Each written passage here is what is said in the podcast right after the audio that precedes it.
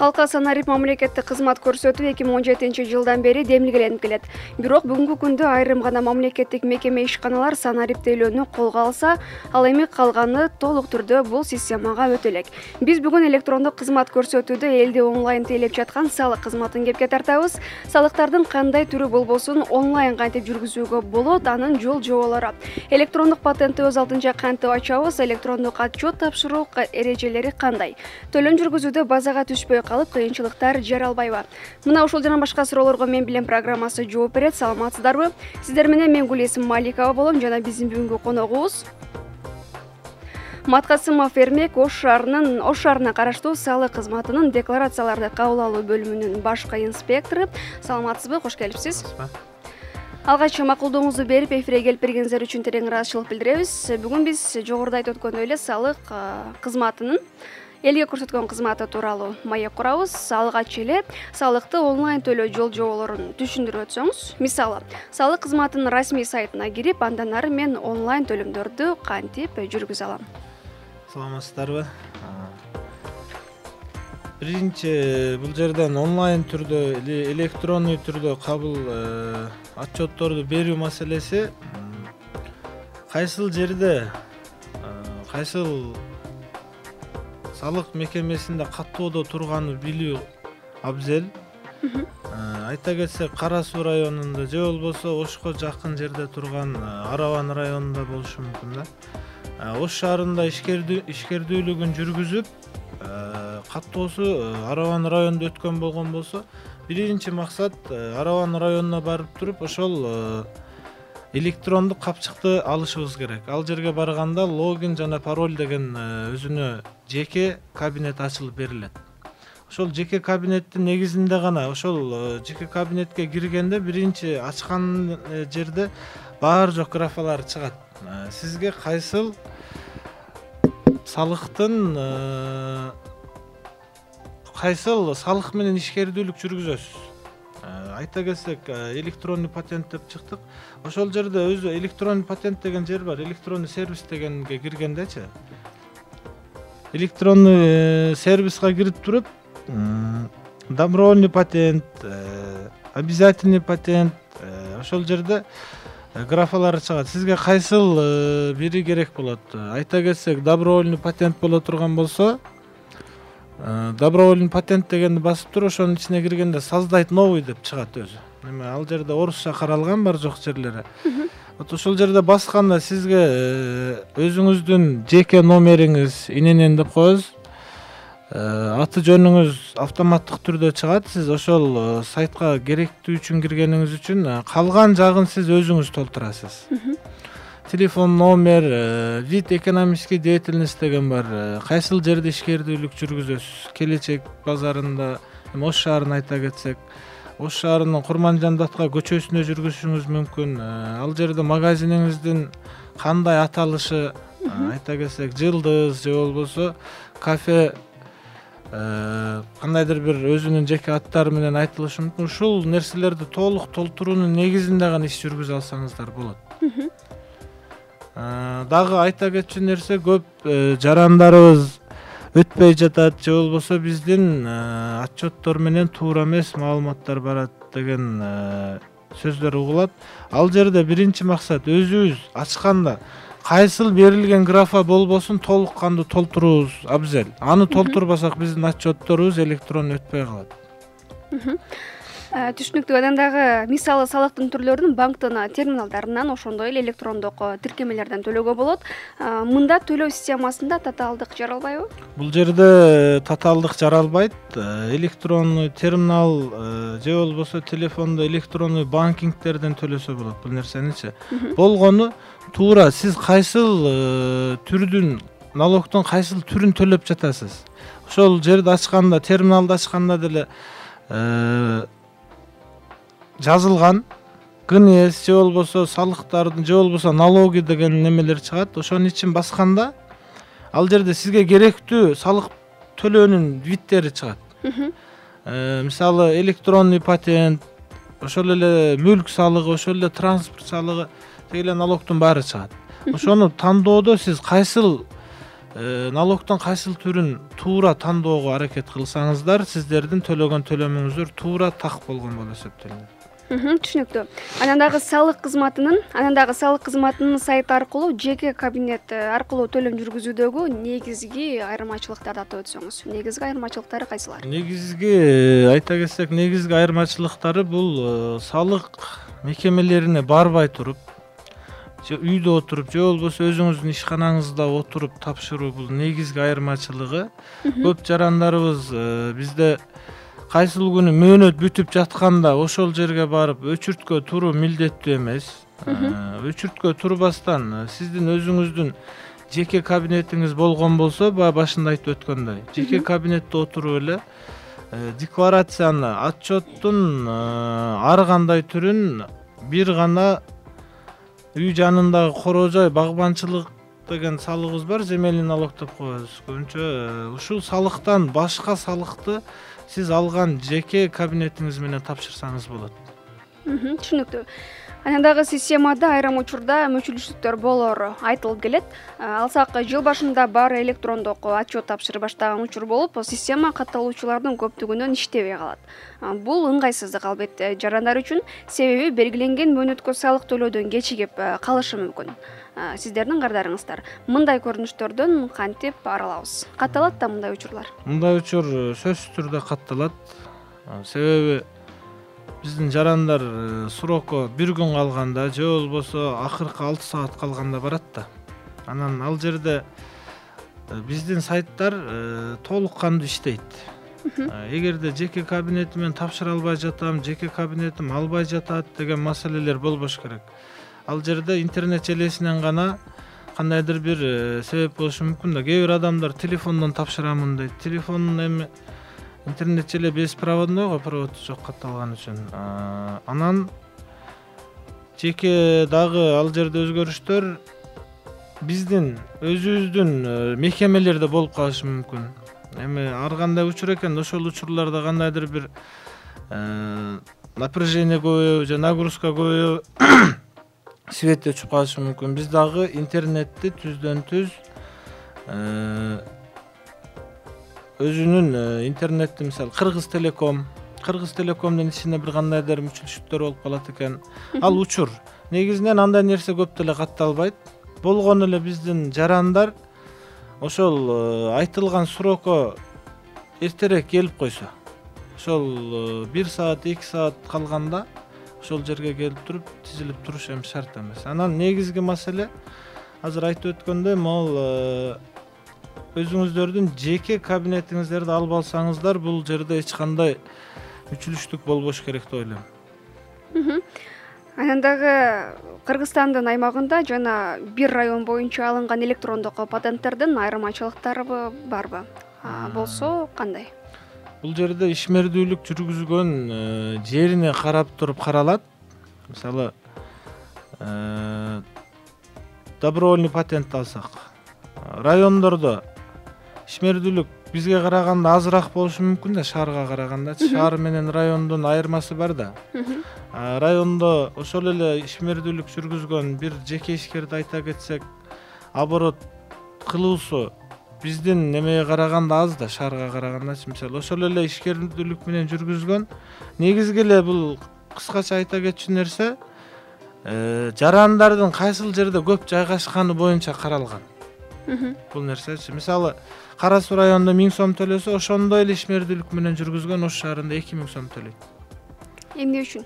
Э, себеби элдин жүрүү элдин конуштугу көптүгүнөн мисалы калктуу конуштарга каралып туруп каралат да бул нерсечи мисалы кара суу районунун э, ушул ишмердүүлүк менен жүргүзгөн ишкер бир айылдын чекесинде или ортосунда десек ал обороту бир күндүк обороту элүү миң боло турган болсо айылда а шаарда ошол эле кишинин обороту жүз миң эки жүз миң болот да. Демек азыр э, биз э, кечиресиз сөзүңүздү бөлдүм. Э, алдыдагы суроолордо дагы кененирээк жооп бересиз бул боюнча. Жогорудагы суроого улай эле маселен эгерде ушунчалык салыкты төлөй турган жарандардын катары көп болуп анан абоненттин жарандын убакыты чектелип сиздер берген мөөнөттөн ашып кеткен болсо убактысыча а сиздерде бир кандайдыр бир пайыз кошуулар барбы? Эгерде мынабул мөөнөтүн ашып кеткен болсоң ушунча пайыз үстүнө кошулуп салыкты ушундай кылып төлөйсүң деген же андай жазалар колдонулбайбы? Бизде сөзсүз түрдө каралат бузуулар кодексинин негизинде эки жүз жыйырма экинчи статьянын категориялар каралган. Биринчи категория экинчи категория үчүнчү категория деп каралат. Ал жердечи кечиккен күнүңүзгө айып пул салынат. Сөзсүз түрдө миң сомдон беш миң сомго чейин. Жеке жактарга миң сом юридикалык жактарга беш миң сомдон каралат. Бул э, сиз отчетту туура эмес же убагында бербей койгонуңуз үчүн каралат. А эгер ошол эле отчет берилген күндө дагы төлөмүңүздүн срогу келип калышы мүмкүн да убактысы. Анда э, бизде жетимиш биринчи статьяда каралгандай ноль ноль тогуз процент күнүнө туум пеня бул э, биздин снак программабыз компьютер. Автоматтык түрдө өзү эсептеп кетет бул нерсени. Жообуңуз түшүнүктүү бирок деген жери бар. Эгерде ушул мөөнөтүнөн мурда ашып кеткен жагдайда сиздердин күнөөңүздөр болуп калган болсо же болбосо катардагы адамдардын саны көптүгүнө байланыштуу алардын очереди кезеги жетпей калган болсо же болбосо сиздердин системаңыздар иштебей калып алар кечигип төлөп аткан жагдайда жоопкерчилик сиздердин мойнуңуздарга жүктөлбөйбү? Бул жерде э, негизинен бизде салык кызматынын э, түздөн түз өзүнүн комиссиясы бар. Бул э, айып пул салаарда дагы сөзсүз түрдө комиссиянын чечиминин негизинде салынат. Э, мисалы сиз айтып өткөндөй өчүр жетпей калып же кандайдыр бир себеп менен отчет бере албай калган болсо ал жерден түшүнүк кат алынып ошол комиссиянын чечими менен толук кандуу каралат. Бул баардыгына эле подряд салып кетиш деген эмес демек жарандар укугун коргой алат. коргой алат. Түшүнүктүү. Э, бүгүнкү күндө кагаз түрүндө дагы салык э, отчет тапшыргандар кездешет э, көрүп эле жүрөбүз. Онлайн төлөө системасы качан жүз пайызга ишке ашат? Бул эки миң жыйырма биринчи жылы биринчи апрелден жүз процент жүз пайызга ашышы керек эле. Ковид эки миң он тогуз инфекциясына байланыштуу өкмөт тарабынан эки миң жыйырма экинчи жылдын биринчи апрелине чейин бул нерсе узартылды.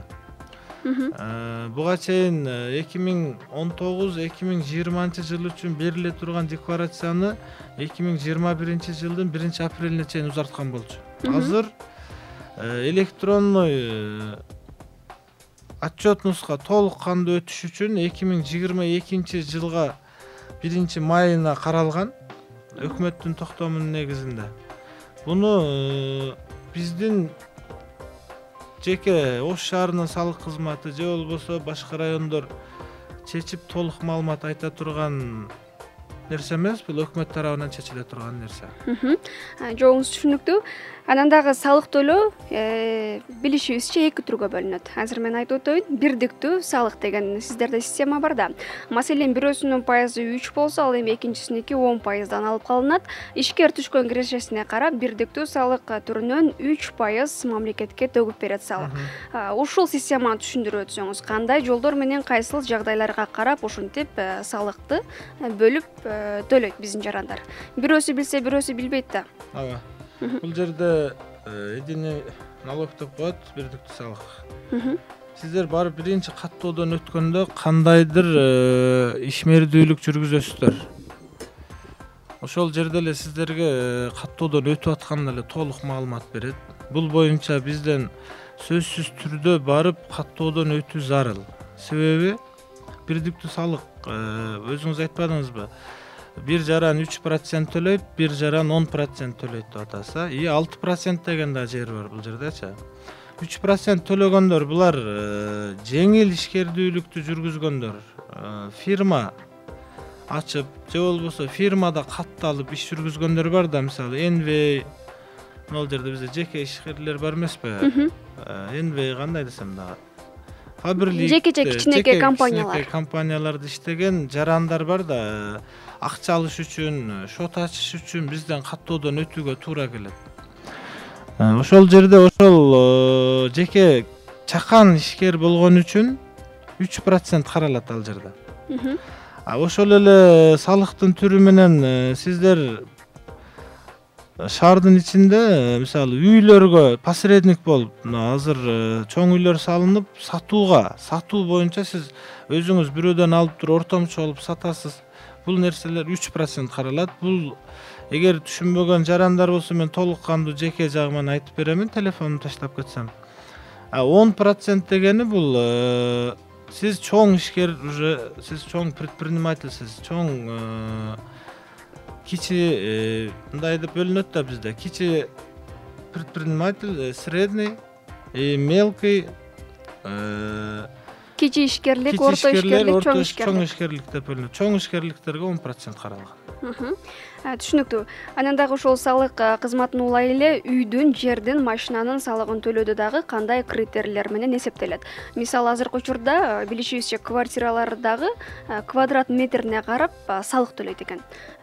Жалпы эле үй жер машинанын салыктарын кантип эсептейсиздер кантип алар төлөм жүргүзөт? Ошол тууралуу кененирээк айтып берсеңиз. Мынча айта кетсек үй салыктары боюнча айта кетсек бул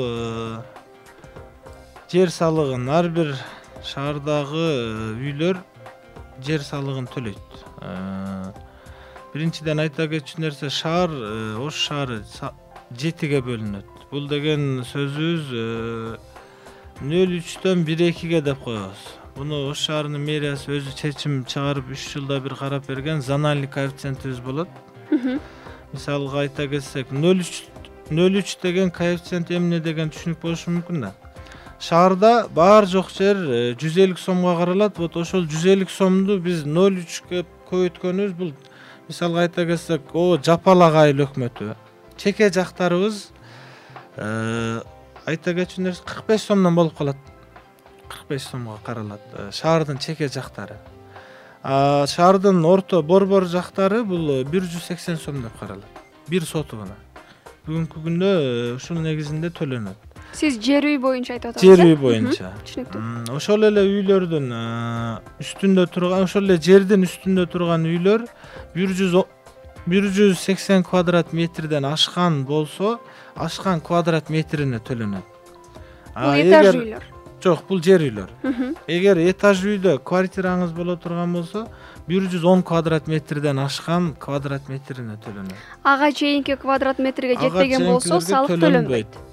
ал киши бүгүнкү күндө декларант болуп дагы саналбайт. Декларация бизге барып мисалы элүү квадрат метр квартирам бар деп туруп декларация тапшырууга милдеттүү эмес демек квадрат метрин дагы бир ирет кайталап өтсөңүз э, ушул квадрат метрден жогорусу салык төлөйт э, а буга жетпеген. э, квартиралар болсо бир жүз он квадрат метрден ашкан квадрат метрине төлөнөт.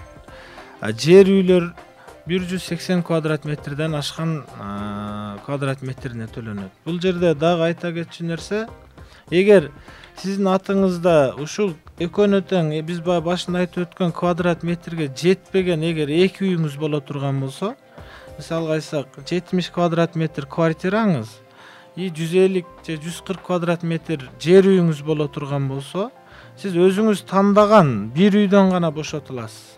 Жер үйдөн же болбосо квартирадан. Себеби бул жерде айтылган мыйзамда бир гана үйдөн бошотулсун. Үч жүз отузунчу статья салык мыйзамдарында экинчи үйдөн толук кандуу төлөйсүз. Себеби сиздин квадрат метриңиз жеткени жетпегени не имеет значения бул жерде демек э, түшүнгөнүм боюнча жер төлөөсү дагы бар анан э, квартира. Этаж үйдөн этаж үйдөн дагы үйү бар анан экөөнүн тең э, квадрат метри ушул салык төлөгөнгө жетпеген болсо чекке. Эгер бир адамдын атында бирөөсүнөн бошотулат. эки үй боло турган болсо. А бир үй боло турган болсо ошол мыйзамды кармап тура берет. Жүз он квадрат метрге жетпесе төлөбөйт жүз сексен квадрат метрге жер үйлөр болсо жетпесе төлөбөйт төлөбөйт түшүнүктүү. Анан дагы салык төлөөчү төлөм жүргүзүүдө база кабыл албай же болбосо туура эмес жүргүзүлгөн жагдайда биринчи кимге кайрылат кандай кадамдарга барыш керек укугун кантип коргойт. Туура эмес киргизип бир түшүнбөстүк пайдалар э, жагдайлар пайда боло турган болсо биздин ош шаарынын э, салык кызматынын өзүнүн жеке номери бар алты алтымыш тогуз нөл беш алты алтымыш тогуз он эки деген. Ушул э, номерлерге чалып э, өзүнүн укугун или өзүнүн түшүнбөгөн жерин толук кандуу сурап алса болот. Эгер жеке өзүнүн бир кызыкчылыгына бир инспектор отчетторун албай коюп же кандайдыр бир себептен ошол кишиге айып пул каралып кала турган болсо бул боюнча биздин кыргызстан республикасынын салык кызматынын бекер бесплатный звонок менен кабыл ала турган бир жүз он алты номери бар. Чалып өзүңүздөрдүн ар кандай сиздин кандай өзүңүзгө пайда болгон мүчүлүштүгүңүз болсо кайрылсаңыздар болот. Түшүнүктүү. Демек жаран сиздерге кайрылган болсо канча убакытта маселеси чечилип калышы мүмкүн? Максималдуу түрдө. Бизге кайрылган болсо өзү барып мен жеке өзүмө кайрыла турган болсо туура эмес отчет туура эмес декларация берип ала турган болсо ошол жерде максимум беш эле мүнөттө бүтөт өзүнүн түшүнбөстүгү болсо. Анан кат менен кайрылган болсо бул он беш күндүн ичинде каралып берилет. Демек он беш күндүн аралыгында жооп берилет түшүнүктүү маселен бир өндүрүштүк ишкер же болбосо катардагы кичи дүкөн иштеткен ишкер убактылуу өндүрүшү токтоп белгисиз мөөнөткө жабылып жаткан болсо электрондук түрдө сиздерге арыз менен кайрылып убактылуу салык төлөөдөн бошотуу тууралуу өтүнүч кат жолдоп маселесин онлайн электрондук түрдө чече алабы.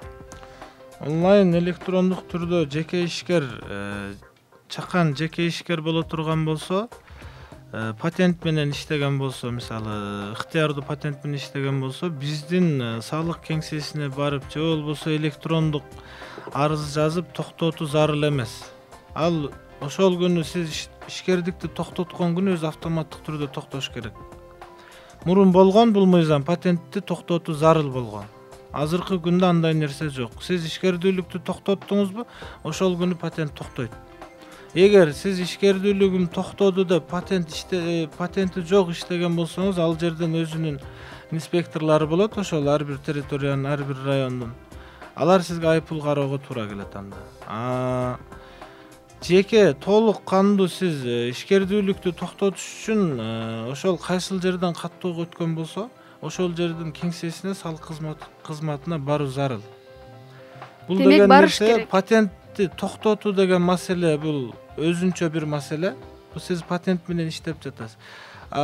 Мисалы бизден ип болуп өтсө индивидуальный предприниматель болуп өткөн болсо ал индивидуальный предпринимательник ишкердүүлүгүн токтотуш үчүн бизге толук кандуу өзү барууга туура келет. Кат жазуу менен токтобойт демек эгерде өндүрүштүк бир ишкер катардагы жеке ишкер өзүнүн ишкердүүлүгүн токтотуп жатканда белгисиз мөөнөткө токтотуп жатканда белгисиз да бизге кайсы убакта кайра ал жанданат. Сөзсүз түрдө сиздердин ошол өзү катталган кеңсеге барып анан токтотуу ооба. чечимин кабыл алат электрондук түрдө мүмкүн эмес. Мүмкүн эмес. Ип дагы дал ушундайбы ип дагы ушундай. Демек э, бул жакта санариптик кызмат көрсөтүү болбой калбайбы? Жок бул деген нерсе мондай да. Мисалы өндүрүштүк ишкер он жыл иштеди дейли. он жыл иштеп бүгүнкү күндө өндүрүшүн токтотуп жатат. Толук кандуучу токтотуп жатат. Токтотуп жаткандын алдында бул кишинин э, кандай экенин сизге буга чейин кандай отчет бергенин сиз ал жерде биздин э, ушул э, регистрация бөлүмүндө барып заявление жазышы шарт. Себеби ар бир жаран бул жерден салык кызматкери болбой чыгып жаткан учурда сөзсүз түрдө текшерилет. Ошол кайсыл жылдан бери кандай иштеп келди кандай ишти жүргүздү кандайдыр бир кемчилдиктери болуп калбадыбы? А санариптик жүргүзүү боюнча отчет берүү отчетту туура берүү элдер э, жарандар салык кызматына баруу барбай коюунун мүмкүнчүлүгүн түзүп атат да бул жердечи а өчүрүп же болбосо сиз такыр жеке ишкерден чыгып кетиш үчүн бул салык кызматына сөзсүз кайрылуу зарыл себеп ал жерде сиз электрондук түрдө бүгүнкү күндө ал жерде лицензиясы болот э, күбөлүк алынган болот мисалы производительге ошондой э, бизде мүмкүнчүлүк же болбосо бизден толук кандуу ушундай кагаздар берилет да. Свидетельство алат э, бул свидетельствону жабыш өзү кандайдыр чоң иш. Ал бизде купуя сыр болуп дагы айтылып келет буну сөзсүз түрдө салык кызматына барып туруп чечилет жообуңуз үчүн рахмат жообуңуз түшүнүктүү. Э, демек урматтуу угармандар эгерде сиздер жеке ишкерлик менен алектенип кичи ишкерлик менен алектенген болсоңуздар э, белгисиз бир мөөнөткө өзүңүздөрдүн ишкананы ишкерликти токтотуп жаткан болсоңуздар сөзсүз түрдө өзүңүздөр катталган салык кызматына барып убактылуу жабуу тууралуу арыз менен кайрылышыңыздар. Абзел экен. Анан дагы кандайдыр бир маселелер көйгөйлөр жаралган болсо салык кызматынын алты алтымыш тогуз ноль беш алты алтымыш тогуз он эки номерлерине дагы байланышып өзүңүздөрдүн э, тынчсыздантып жаткан көйгөйүңүздөрдү айтып маселеңиздерди чечип алсаңыздар болот экен. Урматтуу угармандар сиздер бүгүн салыктарды электрондук түрдө жүгүртүүнүн жол жоболору тууралуу жаңы маалыматтарга ээ болдуңуздар. Сиздерди пайдалуу маалыматтар менен камсыз кылган коногубуз маткасымов эрмек ош шаарына караштуу салык кызматынын декларацияларды кабыл алуу бөлүмүнүн башкы инспектору болду. Сизге терең ыраазычылык билдиребиз. Ишиңизге ийгиликтерди каалайбыз